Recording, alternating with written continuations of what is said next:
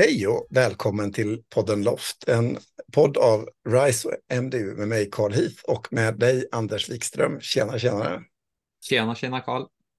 I, I det här avsnittet så ska vi utforska eh, olika typer av stöd för innovationsledning och vi beskriver detta som i början på ett nytt element i innovationsledningssystemet. Och avsnittet som vi nu hör, det är ju en del i utbildningen för ledare i kommunledningspartnerskapet LOFT. Leda och organisera för förnyelse och transformation. Och om du lyssnar in på detta avsnitt mot förmodan om första gången så är det mer information att hitta om hela kontexten på partnerskapetloft.se. Men som sagt, vi ska prata stöd. Och vi kommer att göra det de närmsta fyra avsnitten. Och om vi ska liksom börja med att eh, rama in området lite grann så handlar ju det här området eh, kring stöd av många olika beståndsdelar. Så vad är stöd i, i ett innovationsledningssammanhang, Anders, om vi skulle börja i den ändan?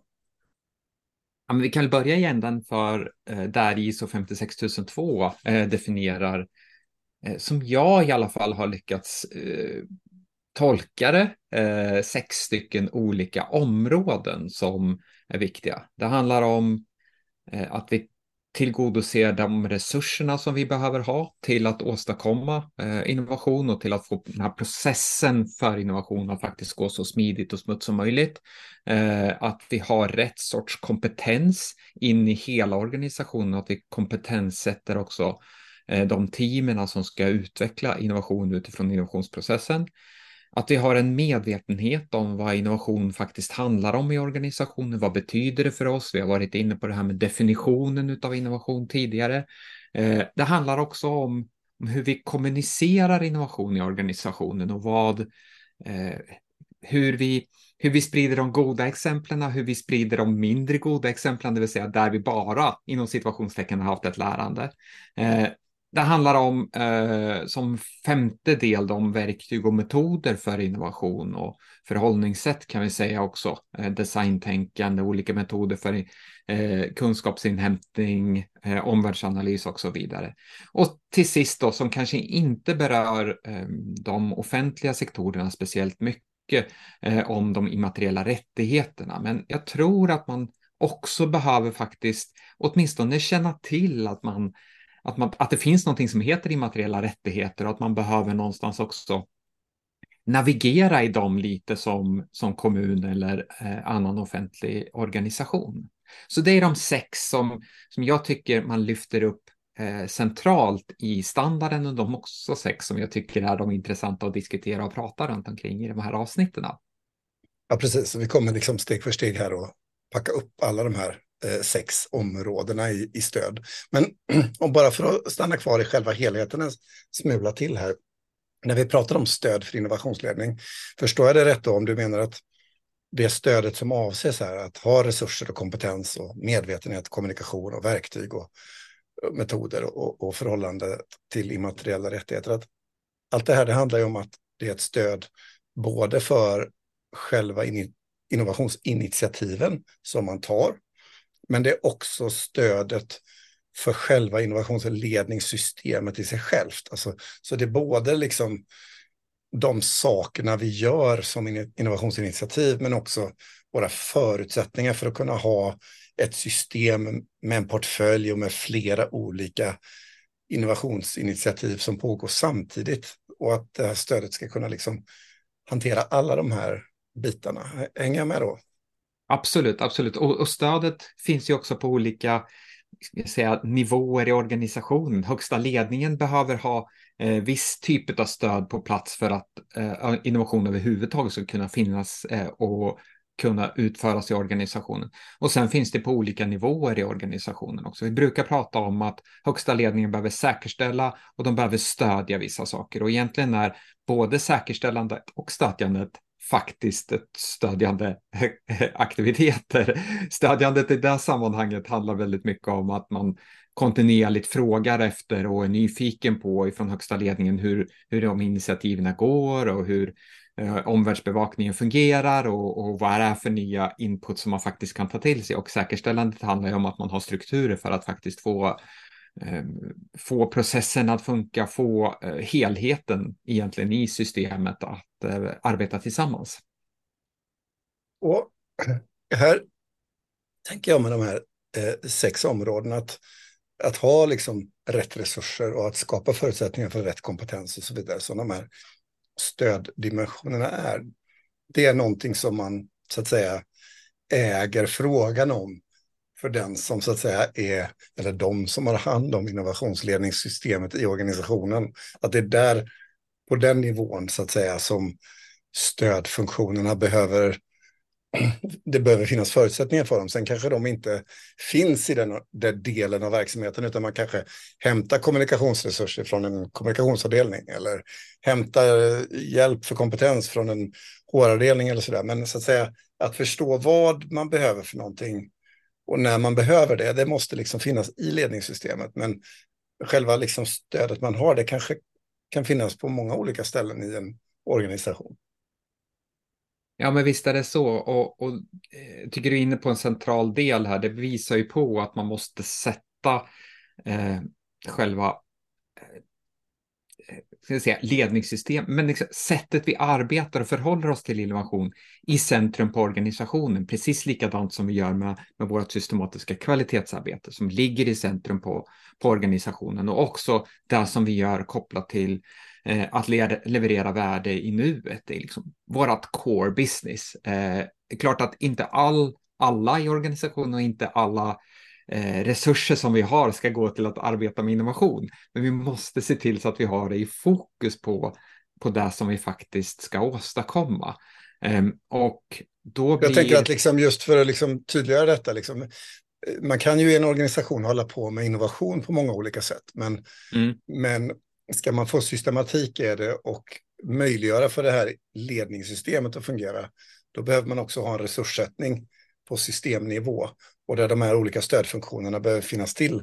Men för att jag ska kunna använda dem så behöver jag ju också liksom ha förståelse för vad det där faktiskt är för resurser och när och hur jag behöver dem. Eftersom det just som du är inne på, det behövs ju på motsvarande sätt som i andra typer av eh, ledningssystemprocesser som i det systematiska kvalitetsarbetet. Men att liksom när man behöver dem och på vilket sätt och så, det, det kan se olika ut. Mm. mm. Ja, men precis, och, och, och där man kanske behöver sätta till och, och få till för att sätta just eh, innovationsarbetet i centrum är kanske en, någon typ av styrgrupp eller ledningsgrupp som har eh, ansvaret för innovation och samtidigt sitter på stödfunktionerna eh, och resurserna kopplat till stödfunktionerna. Så att de har möjlighet att faktiskt besluta över vad som ska finnas och vad som ska prioriteras i vårt innovationsarbete. De behöver ha rådighet helt enkelt för, för innovationsarbetet också, såväl som eh, resurserna och eh, de olika delarna som behövs för innovationsarbetet. Och, och de här eh, stöden, de, alltså jag tänker att eftersom innovation och innovationsinitiativ som vi har i en portfölj, de liksom är av olika storlek och de kommer och går. Eh, de har en högre grad av osäkerhet än många andra typer av verksamheter. Och det gör ju att, liksom, och, och, en av principerna i innovationsledning handlar ju väldigt mycket om detta med anpassningsbarhet. Så, mm. så på vilket sätt kan vi liksom förhålla oss till stöd ur det här liksom mera anpassningsorienterade perspektivet? Eh, ja, en del är ju att titta på själva Eh, stödet utifrån eh, arbetsprocessen eller innovationsprocessen som sådan eh, och ha avstämningar över tid så att man förstår vart någonstans man är i processen. För det kräver olika saker, olika, både olika typer av kompetenser, olika typer av eh, resurser i form av tid och pengar beroende på vart någonstans man är i processen. Hur nära början eller hur nära slutet vi är påverkar de stödfunktionerna som faktiskt behövs. Eh, så, så därför behöver också de här, det här advisory boardet som jag pratade om, de behöver ju också förstå vart någonstans varje initiativ är för att kunna tillgodose de behoven som finns just då och kanske till och med vara lite proaktiva. Så har de tillgång till portföljen och kan se de olika initiativen och, och hur de förflyttar sig framåt kontinuerligt över tid, då har de också lättare att allokera resurser eh, proaktivt in i de olika initiativen som finns. Och det blir oerhört värdefullt och värdeskapande. Och här hänger det väl också ihop med, liksom, med krassa budget och ekonomiramar och så vidare. Att vi har bara så mycket resurser som vi kan använda på en viss sak och då gäller det att nyttomaximera liksom, eh, själva innovationsledningssystemets effekt.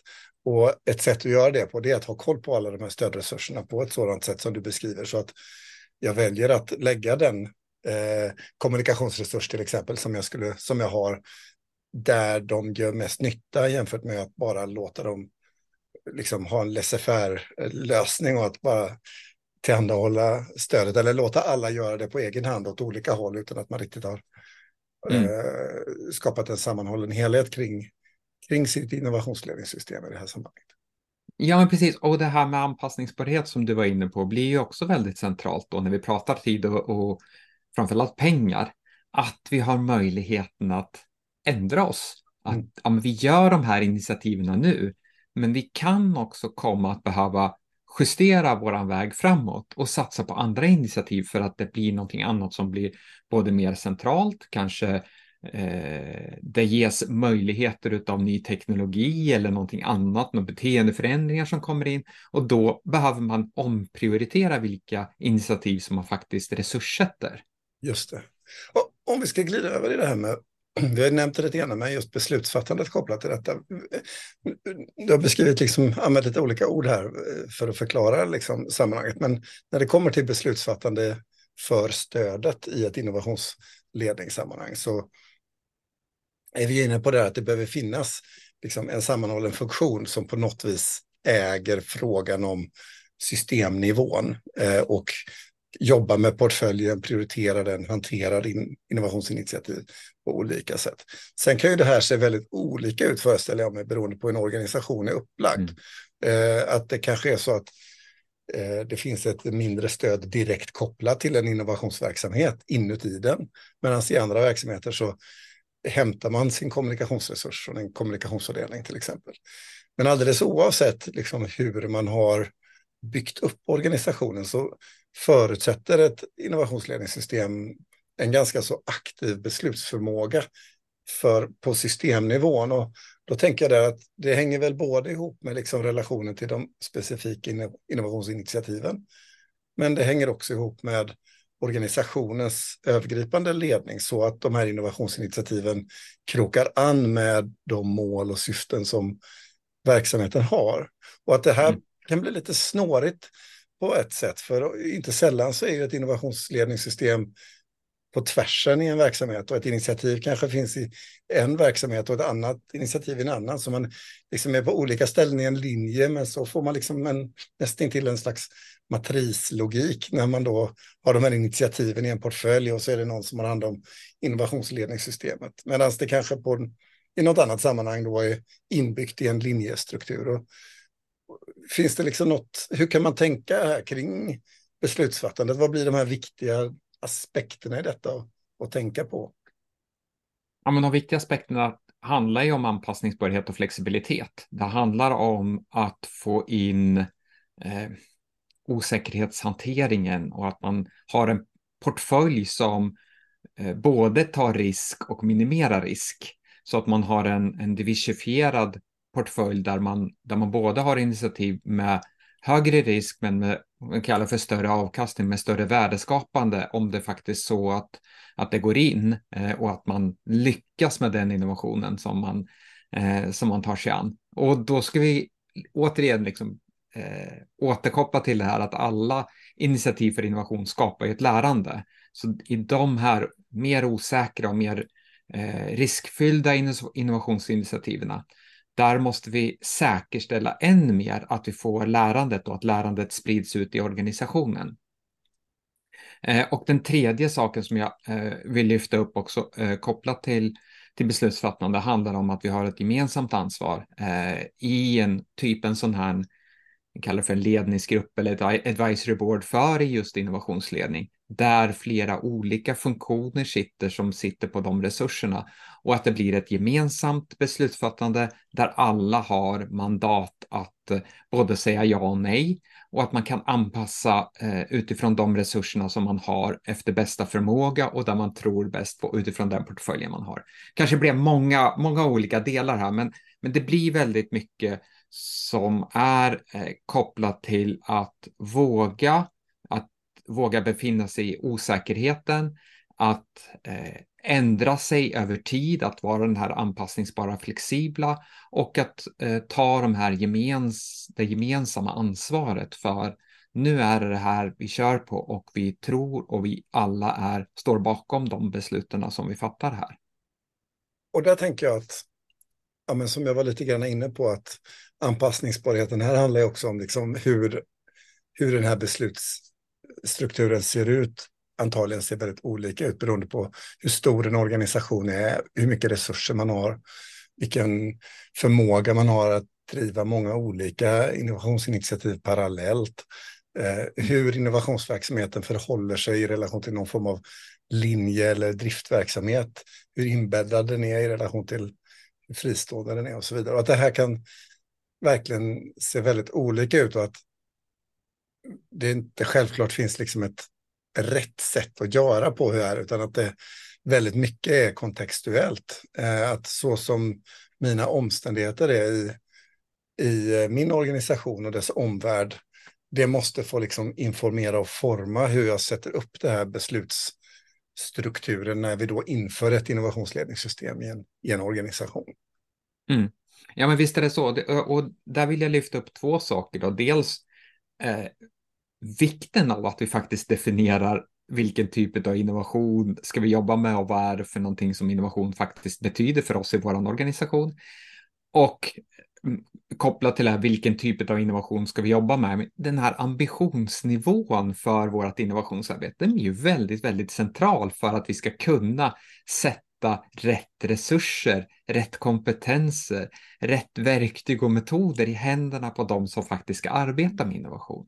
Så måste man ju på förhand bestämma, okej, okay, hur innovativa ska vi faktiskt vara i vår organisation? Ska vi vara de som leder? Ska vi vara de som är snabba följare? Eller ska vi ta två, tre steg tillbaka och vänta på när några flera har faktiskt provat eh, de olika delarna kopplat till innovation och se vilka vilka innovationer ska vi implementera? Vilka innovationer ska vi anpassa till att fungera i vår organisation? Och då kräver det olika saker av stödet när vi väl har förstått ambitionsnivå och inriktning på vårt innovationsarbete.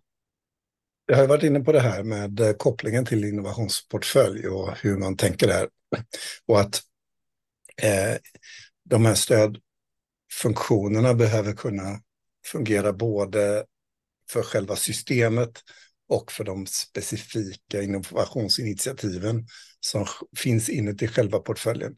Men är det så att man liksom kan säga att när man bygger ett innovationsledningssystem och man utvecklar den här innovationsportföljen med ett antal initiativ och som säkert då drivs av olika personer och så vidare, att man behöver liksom utforma stödsystemen och verkligen förhålla sig till hur ens innovationsportfölj ser ut, om den är i samma verksamhet eller utspridd på många olika och hur stora mm. de här projekten är och, och så vidare. Det, det, kommer väl spela ganska stor roll för hur man ska tänka om stöd i organisation. Absolut, jag menar det är ju hela innovationsledningssystemet blir ju kontextuellt i relation till både organisationen eh, utifrån dess förutsättningar och storlek och så vidare, men också utifrån den kontexten som organisationen faktiskt befinner sig i.